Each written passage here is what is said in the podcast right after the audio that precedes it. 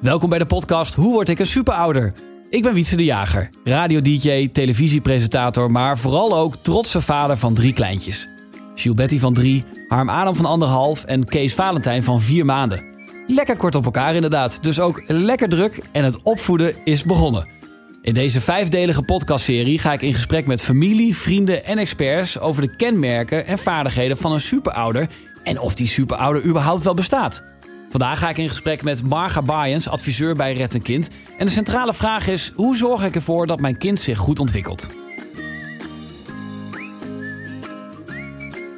Marga, jij bent uh, adviseur Child Development bij Red een Kind. Ehm, jij staat achter de woorden: spelen is het geheim van een goede ontwikkeling, toch? Ja, dat klopt inderdaad. Ja. Gaan we zo uitgebreid op terugkomen. Allereerst even je functie, adviseur Child Development. Wat houdt dat in? Um, nou, Red een Kind die uh, probeert kinderen te bevrijden uit armoede. En uh, ja, daar zijn natuurlijk gewoon uh, goede programma's voor nodig. En we werken in India en Afrika. En ja, die programma's moeten van goede kwaliteit zijn. En er moet natuurlijk ook geld binnengehaald worden voor de programma's. Dus wat ik doe is uh, ja, kijken of de programma's uh, kindgericht zijn. Of het inderdaad echt om kinderen gaat in de programma's. Want jij snapt daarin hoe een kind werkt. Want ja. dat, is, dat is eigenlijk de Precies. achterliggende gedachte Precies. van child development, ja. toch? Ja, we vinden het heel belangrijk dat uh, de programma's kindgericht zijn. Dat de kinderen niet vergeten worden. Want de programma's zijn vrij breed. We werken eigenlijk met de hele community. Maar het moet natuurlijk uiteindelijk wel gaan om het belang van het kind. Dus daar proberen we naar te kijken. Moet je vaak zeggen binnen de organisatie van... Ah, jongens, dit kan echt niet. Snappen jullie nou helemaal niet hoe een kind werkt? Of, uh, nou, dat valt best wel mee. Ik denk dat heel veel mensen wel met dezelfde intentie uh, daar rondlopen. Maar het risico is soms wel, omdat de programma's vrij breed zijn... dat het kind... Uh, ja, het, het, moet echt om het kind gaan uiteindelijk. En de kwaliteit van programma's moet natuurlijk ook goed zijn. Dus... Uh, en er moet inderdaad ook geld voor binnenkomen. Dus ik probeer ook te helpen met uh, aanvragen schrijven. Ja. En ook steeds weer om te kijken van... Uh, hey, gaat het uiteindelijk om het kind in dit geheel? Waarom heb jij uh, gekozen voor een stichting als Red Kind? Want dat je je verdiept zeg maar, in de ontwikkeling van een kind... dat kun je op heel veel vlakken doen. Je kunt misschien ook ontwikkelingspsycholoog worden. Je kan, kan alle kanten op. Klopt. Maar dat je dan specifiek kiest voor een stichting als Red Kind... dat is nogal bijzonder, toch? Ja, dat klopt inderdaad. Um, ja, ik denk dat ik gewoon vanaf jongs af aan... een sterke persoonlijke drive had om, uh, om bij een organisatie als Red een Kind te gaan werken. En um, het mooie van, van Red een Kind vind ik inderdaad dat, ja, dat we ja, ons richten op kinderen in armoede, om die een kans te geven. En daarbij de hele gemeenschap betrekken. Um, Kun je eens een voorbeeld noemen van, van een project bijvoorbeeld? Ja, je... ja, zeker. We werken vooral in uh, rurale gebieden, dus vooral uh, uh, agrarische gebieden. wat we daar doen is dat we de, de, inkomen van ouders versterken. Dus zeg maar dat, um, dat de boerenfamilies training krijgen. Hoe kunnen ze beter een land bewerken? Hoe kunnen ze beter producten verkopen? Hoe kunnen vrouwen onderling elkaar geld lenen, zodat ze ook kleine bedrijven op kunnen zetten? Zodat ze zeg maar, het inkomen verbeteren... en uiteindelijk op die manier zelf beter voor hun kinderen kunnen gaan zorgen. Ja, want daar, daar komt dan jouw, jouw rol naar voren, toch? Precies, van, ja. precies. En, ja. en, en, en uh, coach je die ouders dan? Zeg je dan tegen die ouders van zo moet jij je kind opvoeden? Of, uh... Ja, dat is best wel een uh, lastige natuurlijk. Want ja, wie zijn wij hier om te zeggen hoe je kind op moet voeden? Nou, precies, ja, ja, precies. Ik denk dat ouders zelf vaak ook heel goed weten... hoe ze zelf een kind op moeten voeden. Alleen niet elke ouder is denk ik in de gelegenheid om, om dat op een juiste manier te doen. Omstandigheden zijn niet altijd zo. Dus uh, nou, wat wij bijvoorbeeld gedaan hebben binnen Red een Kind is een ouderschapstraining ontwikkeld. We hebben een, uh, een manual ontwikkeld wat in groepen uh, met ouders besproken kan worden. En dan gaat het niet zozeer om van zo en zo moet je je kind opvoeden. Dit en dit is de beste manier. Maar meer om ouders met elkaar in gesprek te laten brengen. Um, ja, hè, bijvoorbeeld is dat zomaar toepasbaar? Ja. In, een, in een land ja. als Rwanda, maar ja. ook in, in India kun je dat zomaar hop neerleggen Precies. en dat werkt dan? Ja, in de verschillende landen waarin we werkzaam zijn wordt, wordt dit gebruikt. Dus groepen van uh, ongeveer twintig ouders komen bij elkaar, mannen en vrouwen, vaders en moeders, die elke week bij elkaar komen om te praten over het belang van goede voeding voor een kind, over het belang van scholing, uh, maar ook het belang van spelen. Spelen is daar ook een onderdeel van. Uh, en dan gaat het niet zozeer om van dat, dat er gezegd wordt, dus en zo moet je doen, maar meer van uh, het met elkaar delen van ervaringen. Omdat we heel erg geloven dat mensen ter plekke zelf zeg maar, prima weten hoe je het moet doen. Maar het gaat vaak ook zeg maar, om de steun die je aan elkaar hebt en het delen van ervaringen. in plaats van dat je elkaar gaat zeggen, dus zo moet je doen. En merk je dan dat, dat de kennis dan juist ontbreekt? Zijn, zijn die mensen die in zo'n groep bij elkaar komen dan toch van, hé, hey, ik wist helemaal niet dat die voeding juist gezond was bijvoorbeeld? Ja. Of, of, wat ja, zit er dan dat, achter? Ja, dat kan soms inderdaad wel het geval zijn. Dat het gewoon nog een bepaalde basiskennis ontbreekt. Bijvoorbeeld over de veelzijdigheid van voeding. Mensen weten bijvoorbeeld wel hè, dat ze een bepaalde hoeveelheid voeding moeten geven, maar ook de veelzijdigheid van voeding. Dus er kan ook wel een soort kennisaspect nog in zitten wat ontbreekt. Maar ik denk ook wel gewoon heel erg. Uh, het, heeft, ja, het, is, het is een kennisaspect zit in die uh, training.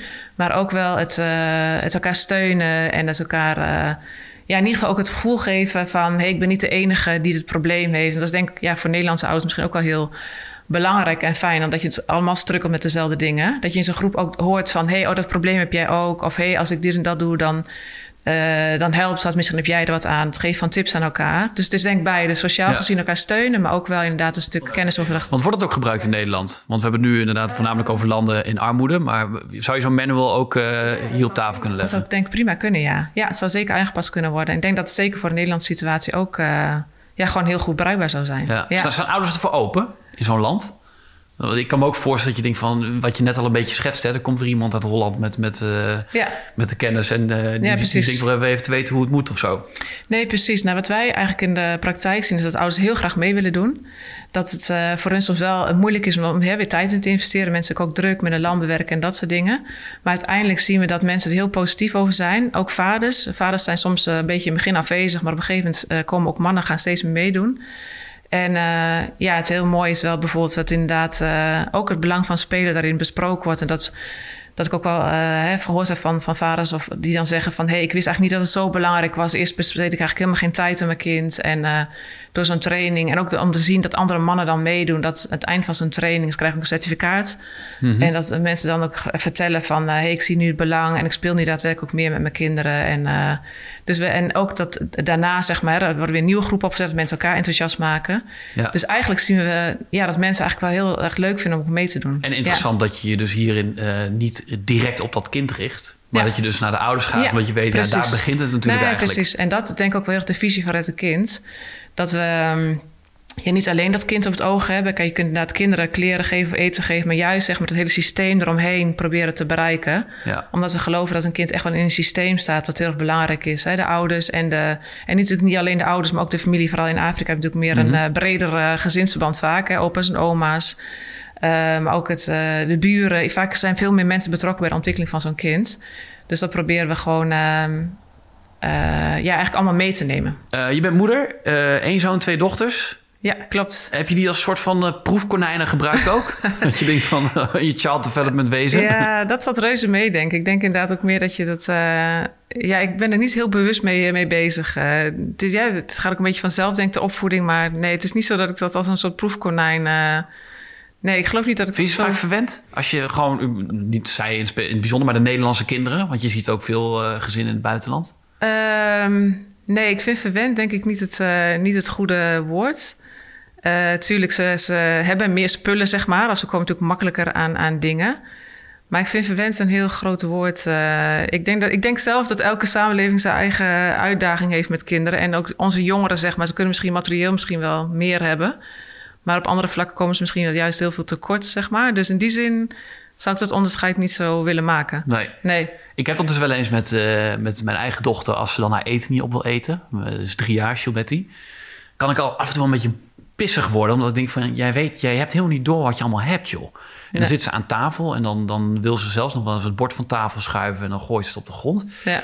En dan denk ik, je moest eens weten. De, de standaard uitspraak, de kinderen in nee, Afrika. dat klopt. Ja, dat klopt. Ja, ik heb dat zelf ook wel als ik dan terugkom van mijn reis... omdat het verschil dan zo enorm is...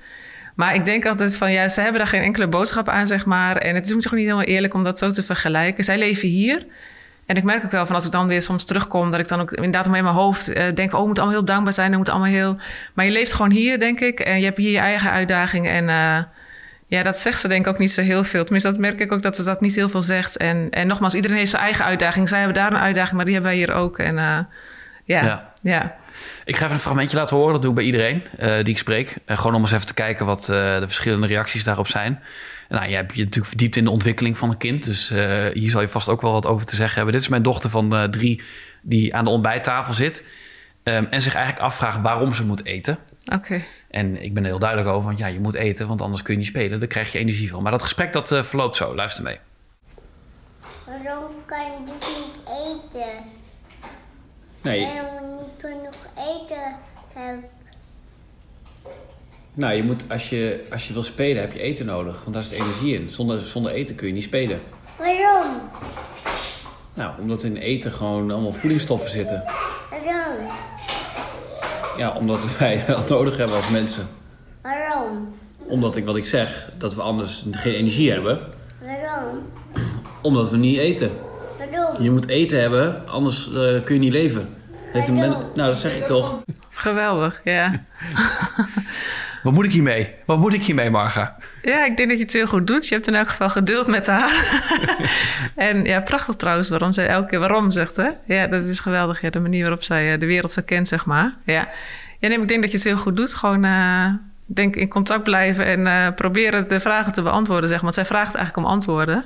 Ja, dus een gesprek wat je aangaat, zeg maar, hè? Gewoon, ja, dat is denk ik... Als we dit nou eens even, even naar, naar, eh, naar een armland trekken... en dan neem ik Rwanda weer even als voorbeeld... ja, daar komen kinderen ook in een waarom-fase terecht. ja. Maar die hebben dan denk ik hele andere vragen, of niet? Ja. Ja, ik denk dat eh, veel kinderen overal ook wel hetzelfde zijn. Kijk, dat eten kan natuurlijk daar een heel, ook wel een pijnlijk iets zijn, zeg maar. Omdat het misschien ook helemaal geen eten eh, is. Het kan best zijn dat binnen gezin... eh, ja, dat die vraag er is waarom is er geen eten... maar dat er echt een antwoord moet komen van eh, er is geen eten, zeg maar. Eh, dus dat, ja, in die zin leven kinderen natuurlijk in die landen wel echt een hele andere situatie. Dat echt de basisbehoeften, zeg maar, er soms gewoon, eh, gewoon niet zijn. En dan lijkt het me inderdaad ook wel heel erg moeilijk om als ouder eh, ja, daar een antwoord op te geven. Zeg maar. Dat zijn inderdaad wel andere waarom-vragen die misschien als ouders. Ze weten niet krijgt. beter, kun je dat zeggen of niet? Dat is heel hard hoor, ik sla De heel hard kinderen in bedoel mezelf. Ja? Ik denk wel dat kinderen heel groot aanpassingsvermogen hebben. En dat inderdaad de kinderen soms niet beter weten. En ja, dat is hun thuis, zeg maar. Hè? Dat is inderdaad hun situatie. Kinderen ja, passen zich heel snel aan. En eh, ja, kunnen ook heel veel kunnen ook dealen, denk ik, met heel veel dingen, zeg maar. Ja, omdat ze dat gewoon gewend zijn en eh, zich daaraan kunnen aanpassen.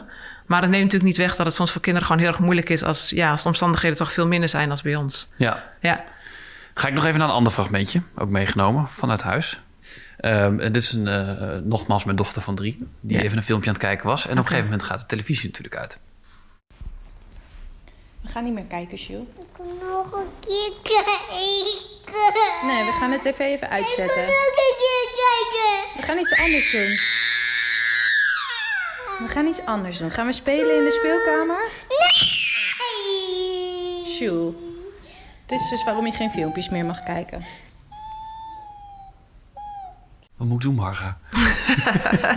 Nou, ten eerste denk ik een hele herkenbare situatie voor heel veel ouders, zeg maar. Hè? Ik denk dat het ook gewoon heel eh, fijn voor ouders is om altijd te weten dat zulke dingen gewoon gebeuren, zeg maar. Dat soort dingen met vooral met kinderen van drie die een eigen wil hebben. eh, dat, eh, dat, dat gebeurt gewoon. dus dat denk ik al heel fijn om te weten voor veel mensen dat dat een hele, hele normale situatie is. Kinderen hebben een eigen wil. En ik denk dat het heel goed is dat ze een eigen wil heeft. Dat je het ook misschien op die manier positief kan zien. Van dat het gewoon bij de ontwikkeling eigenlijk hoort dat kinderen een eigen wil krijgen. En dat het eigenlijk ja, misschien een eh, slechte teken zijn als ze altijd alles maar doen wat jij graag wil, zeg maar. Dan wordt het een soort robotjes, zeg maar. Dus in die zin helpt het misschien ook om eh, het op die manier, eh, die, die manier te bekijken. En ja, verder gewoon, ik zou zeggen, een stukje duidelijkheid geven. Een stuk, dat is denk ik gewoon heel belangrijk in alles. Ja. Over die, dit, is dan, dit gaat over schermtijd, hè? Ze Ja, zitten, ja. filmpjes te kijken. Je gaat toch weer de parallel trekken naar, naar een, een land waar, waar armoede heerst. ja. Ehm, wo- wordt daar leuker gespeeld? Eh, op het eerste gezicht zou ik zeggen ja, ik denk het wel. Ik denk dat kinderen, als ik daar ben of als ik dat ook hoor van verhalen, dan zie je gewoon, kinderen spelen veel meer buiten. Kinderen spelen overal. Kinderen spelen met de meest simpele materialen, lijken creatiever te zijn. Eh, met, eh, met afval worden oudertjes gemaakt, worden hoepelstokken gemaakt. Kinderen zijn eigenlijk altijd buiten aan het spelen. Dat, dat, zie, je, dat zie je wel.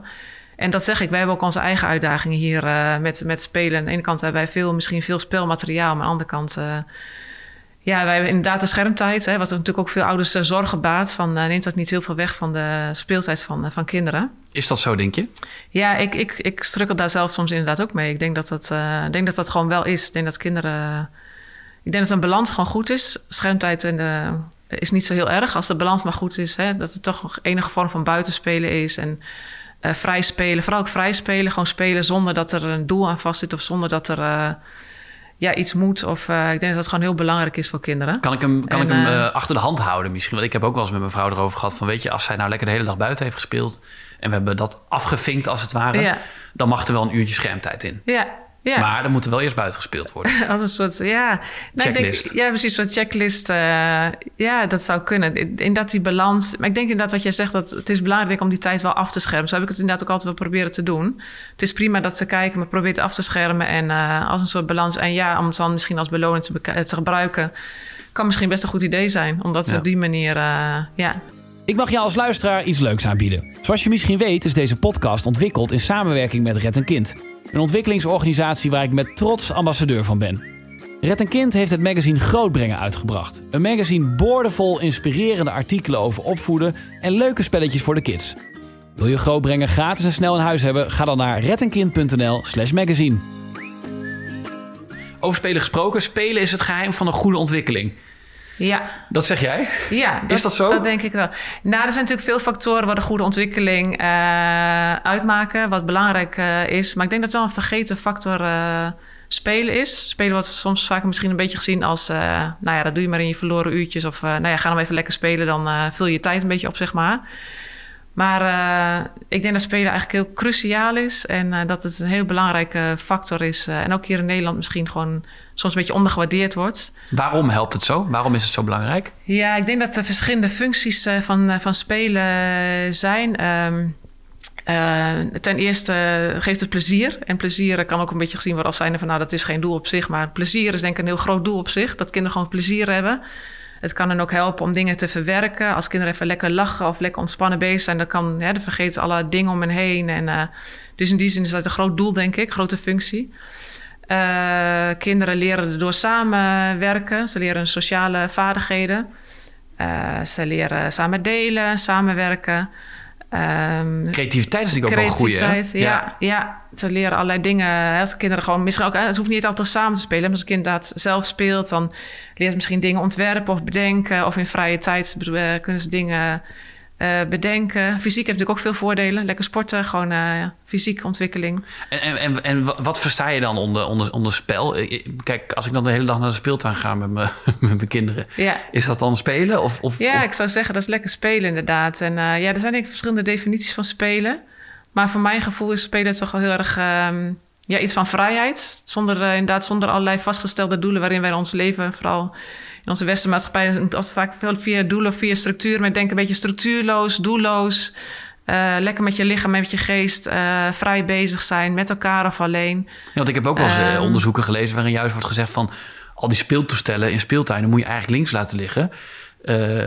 Gooi je kinderen de tuin in als het ware. en er ligt, ja. ligt wel, wel, wel een boomstam of, of wat dan ook. Ze gaan wel. Nee, klopt. Er zijn denk verschillende manieren, manieren van spelen. Je hebt inderdaad spelen, eh, vrij spelen zonder enige... En dat denk ik dat is inderdaad misschien wel de beste manier. Omdat je inderdaad zelf dingen moet bedenken. Zelf moet eh, niet al te veel kan-en-klaar speelgoed... maar juist een beetje eh, inderdaad Lego in plaats van kan-en-klare poppenhuizen. Mhm. Laat kinderen zelf maar met... met materiaal inderdaad in de tuin. Dus min- misschien wel zo min mogelijk kan-en-klare dingen inderdaad. Ja. ja, ja. Ehm, en welke, welke rol als ouder heb ik dan bij dat spelen? Want het de kind moet dat vooral zelf doen, hoor, hoor ik nu. Eh, ja, ik denk dat een kind eh, vanuit zichzelf... Ik denk dat elk kind van nature wil graag spelen. Dat zit er al in. Dat hoef je eigenlijk niet... Je moet eigenlijk niet veel tegen kinderen zeggen... nou, jij moet nu gaan spelen. Kinderen willen dat denken van nature. Maar ik denk dat ouders wel een hele belangrijke rol hebben... in eh, de voorwaarden scheppen om een kind te laten spelen. En dan is het inderdaad belangrijk... denk dat ouders het belang ervan inzien. Maar ook daar tijd voor vrijmaken. En inderdaad ook bijvoorbeeld kinderen...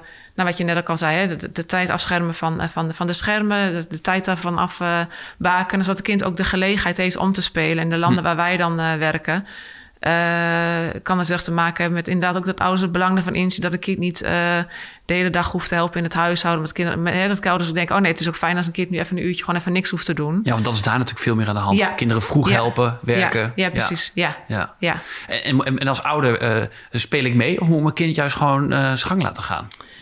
Ja, ik denk dat beide heel, eh, eh, heel goed is. Ik denk dat het fijn is voor een kind om even zelf te spelen. Maar ik denk dat een van de eh, mooie manieren om een band met je kind te krijgen is eigenlijk spelen. Als ik denk aan vroeger, zeg maar, de herinneringen die ik met mijn ouders heb, is eigenlijk met name dat ze met mij speelden. Ja, mijn vader die op zondagmiddag dan spelletjes deed. Mijn moeder heeft heel veel voorgelezen. Als ik dan vroeger denk, dan denk ik, ja, dan, hè, dat is eigenlijk spelen een hele goede manier om een band op te bouwen. Om een kind met je, tijd met je kind te hebben. Eh, en wat je dus later ook blijkbaar herinnert, dat dat de tijd is, zeg maar. Dus het is een hele truc mooie wel, manier om bij een- jezelf even terug te gaan... wat, Ja. eigenlijk je mooiste herinnering was. Dan weet je ook van... Ja, hey, dat zijn echt de mooiste herinneringen misschien wel. Dat, aan de tijd met mijn ouders, dat ze met mij speelden. Dus een Ja. hele mooie vorm om tijd met je kind te hebben... en om band op te bouwen. Kan ik, de, kan ik de rest van de kaders dan ook wegstrepen voor opvoeding? Als ik denk van, ah, als mijn kind speelt, zit het wel goed. Dan eh, schuif ik er vanavond al een pizza in en dan drink ze glas cola. als ze maar gespeeld Andere wordt. factoren zijn heel belangrijk, maar ik denk dat deze ondergewaardeerd is, zeg maar, en echt wel cruciaal is. Het klinkt een beetje als nutteloos, maar het is hard werken eigenlijk voor een kind als die leert. Hè? Je, heel veel dingen worden ontwikkeld en heel veel. eh, Ja. ja, dus dat. eh, ja.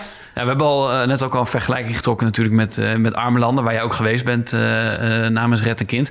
Jij zegt dus dat daar, veel, daar wordt veel gespeeld. ja. Eigen, eigenlijk leuker gespeeld dan, dan hier in Nederland, ja, zeg je. Ja, als op het moment dat de, dat de kinderen spelen, dan zie je dat kinderen veel spelen en heel creatief spelen. En aan de andere kant staat het spelen ook onder druk, omdat ze inderdaad. eh, kinderen zijn vaak vaak belast met de verantwoordelijkheid in het huishouden.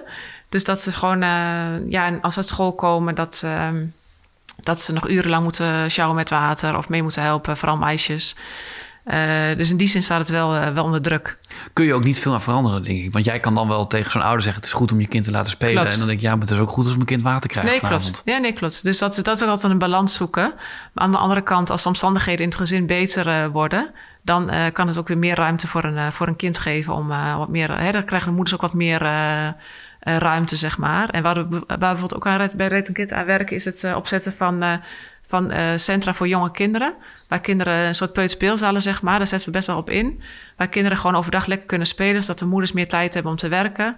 Waardoor ook gewoon hè, de last voor de moeders wat minder wordt. En eh, ja, zo komt er meer ruimte in een gezin eigenlijk. En het geeft ook weer aan van dat we vaak meer naar het systeem kijken als naar alleen het kind.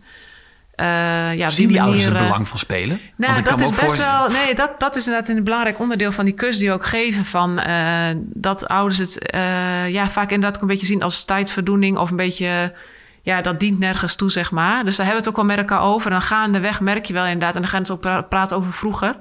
Van hè, wat, wat ouders als kind vroeger zelf leuk vonden. Ja, wij vonden het eigenlijk ook heel leuk om te spelen. En dan dat soort gesprekken helpt ook Ja. om ouders het, eh, het belang ervan En zo'n gesprek voer eh. jij dan ook met zo'n Ja, ouder dat, dat eh, gebeurt ook in die ouderschapstrainingen. Ja. Dat ouders zelf gaan nadenken van... hé, als kind vroeg, wat deed je toen als spelletjes... en wat vond je er leuk aan? En zo krijg je zeg maar steeds gaandeweg... zie je dat ouders het belang Mhm. gaan inzien. Wat zit er nog meer in die ouderschapstraining? Wat, wat, wat voor mij bijvoorbeeld als ouder handig kan zijn? Want ik vind dit een hele goeie, dat je bij jezelf dus na gaat denken. Ja. Wat is zo'n voorbeeld uit zo'n training waar je van denkt van... Oh, dat kunnen we meteen overnemen hier in Nederland? Ehm, nou, bepaalde dingen zijn wel meer specifiek voor daar denken. Inderdaad, hè, voeding, wat hier denk ik over het algemeen wel heel veel goed bekend is bij heel veel ouders. Ehm, maar bijvoorbeeld ook, we hebben ook een module over de, eh, de relaties in het gezin. Dus hoe ga je als partners met elkaar om? Eh, hoe ga je als gezinsleden met elkaar om? Eh, de relatie in gezinnen, nou, die kun je volgens mij zo één op één hier eh, toepassen, zeg maar. Het gesprek onderling. Gewoon heel, het klinkt heel basis, maar het zijn toch hele belangrijke dingen voor een kind. Ja. En, dan, en dan het gesprek onderling gaat over de hiërarchie in een gezin... of, of, of over de, de Eh, rol van iedereen. De, rol, de rollen van iedereen, maar ook van eh, hoe, hoe ga je goed met elkaar om binnen een gezin? Hoe praat je met elkaar? Hoe is de communicatie? Hoe luister je naar elkaar? Hoe hou je het gezellig? Hoe ga je om met verschillen? Hè? Ook als ouders, van hoe ga je met verschillen op? Mhm. misschien denk jij anders als, over de opvoeding als je vrouw. Hoe communiceer je met elkaar? Hoe luister je naar elkaar? En hoe hou je het gezellig? ja, goede vraag. goede vraag. Ja, ik denk toch zeg maar dat erop neerkomt dat je, ja, dat je, dat je tijd voor elkaar neemt en dat je elkaar lief hebt. Dus dat klinkt ook inderdaad hele basale dingen, maar uh, Nou ja, die komt Ja. vaak terug. Ik, zit Ja. nu, ik, heb, ik heb eh, heel wat opgenomen al. Maar Ja. ergens als je verder praat... Ook met mijn eigen vader, maar ook met een ontwikkelingspsycholoog. Iedereen eigenlijk komt uiteindelijk neer op van ja, je moet de tijd geven aan je kind en, en die liefde geven. Want dat, is, dat is het beste wat je kan doen. Dat denk maar. ik ook, ja. En fouten maken we allemaal. Dus en inderdaad ook daar sorry over kunnen zeggen. En, eh, en, ook, ja, en ook dat accepteren van jezelf dat er dus fouten gemaakt worden, zeg maar. Je niet zichzelf te veel kwalijk daarin nemen als ouder, denk ik. Want eh, ja, helemaal goed Mhm. doe je het toch niet. We hebben nu wel ook veel over eh, eh, wat die gezinnen daar geleerd kan worden en wat die ouders geleerd kan worden. Wat kunnen wij leren van ouders uit bijvoorbeeld Rwanda? Ehm, ja, vind ik een mooie vraag. Ik denk dat ze, ik denk dat we veel kunnen leren. Ehm, eh, ik denk toch zeg maar dat, ehm, ja, dat mensen wat simpeler leven. En dat bedoel ik niet negatief, maar juist positief, zeg maar. Dus mensen zijn, eh, ja, ja toch wel de tijd die ze voor elkaar hebben, denk ik. Wat ik daar gewoon meer zie. Meer de rust in de gezinnen. De tijd voor elkaar. ehm, eh, betrekken van ouderen in de gezinnen. De, wij, eh, de, band met Open Om is bij ons ja, best omdat ouders verder weg wonen. Vaak wonen ouders daar wat dichterbij. Dus het gezin is wat breder.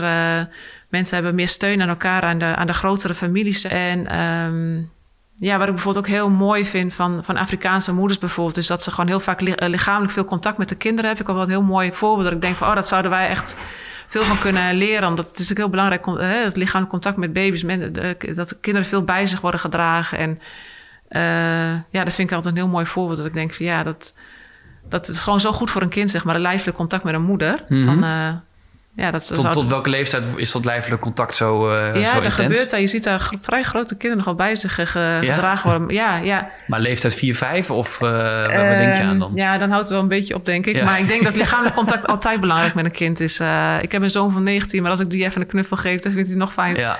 Dus ik denk dat dat eh, voor alle leeftijden gewoon heel belangrijk is. Gewoon, eh, ja, gewoon bij elkaar zijn. En even een omhelzing of even een knuffel bij je houden. Lekker tegen je aanzitten met voorlezen. Mhm. Dat is super belangrijk. Ja, Ja. mooi. Eén tip over opvoeding. Als je die zou moeten geven. Welke is dat? Ehm, ja, ik kom denk ik toch weer een beetje terug op dat tijd, inderdaad. Dat wat je net ook al zei. En Ja. dan bewust tijd geven. Want als ik dan zelf terugkijk op hoe ik het gedaan heb, denk ja, ik, ik gaf wel tijd of ik was wel fysiek aanwezig. Maar fysiek aanwezig zijn betekent niet dat je echt tijd hebt.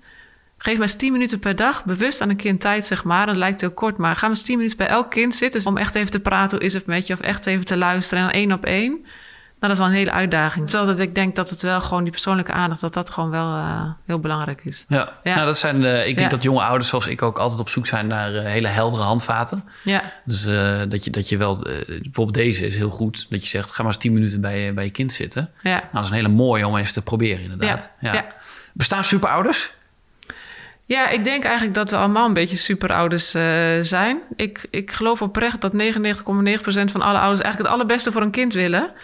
En soms lukt dat niet altijd, want we zijn niet altijd in omstandigheden om eh, superouders te zijn, zeg maar. Maar ik geloof echt dat iedereen heel veel van zijn kind houdt en echt het allerbeste eh, wil. En soms door stress of door ziekte of door armoede of door eh, werkeloosheid. Er kunnen natuurlijk allerlei dingen gebeuren waardoor het wat minder goed gaat. Maar ten diepste geloof ik, en de, ja, dat is ook een beetje de houding die, ja, die ik heb naar alle ouders in de wereld eigenlijk. We doen ons, we doen ons best en ik geloof dat ze eigenlijk allemaal een beetje superouders zijn. Mooi. Marga, dankjewel voor je tijd. Ja, graag gedaan. Ja, dat was hem dan. We zijn aan het einde gekomen van deze podcastserie. Ik denk dat ik mijn antwoord op de vraag hoe word ik een superouder wel gevonden heb. Ik heb heel veel tips en tricks gekregen en iedere ouder is eigenlijk op zichzelf gewoon een superouder als je maar genoeg liefde en veiligheid geeft aan je kind. Succes met opvoeden!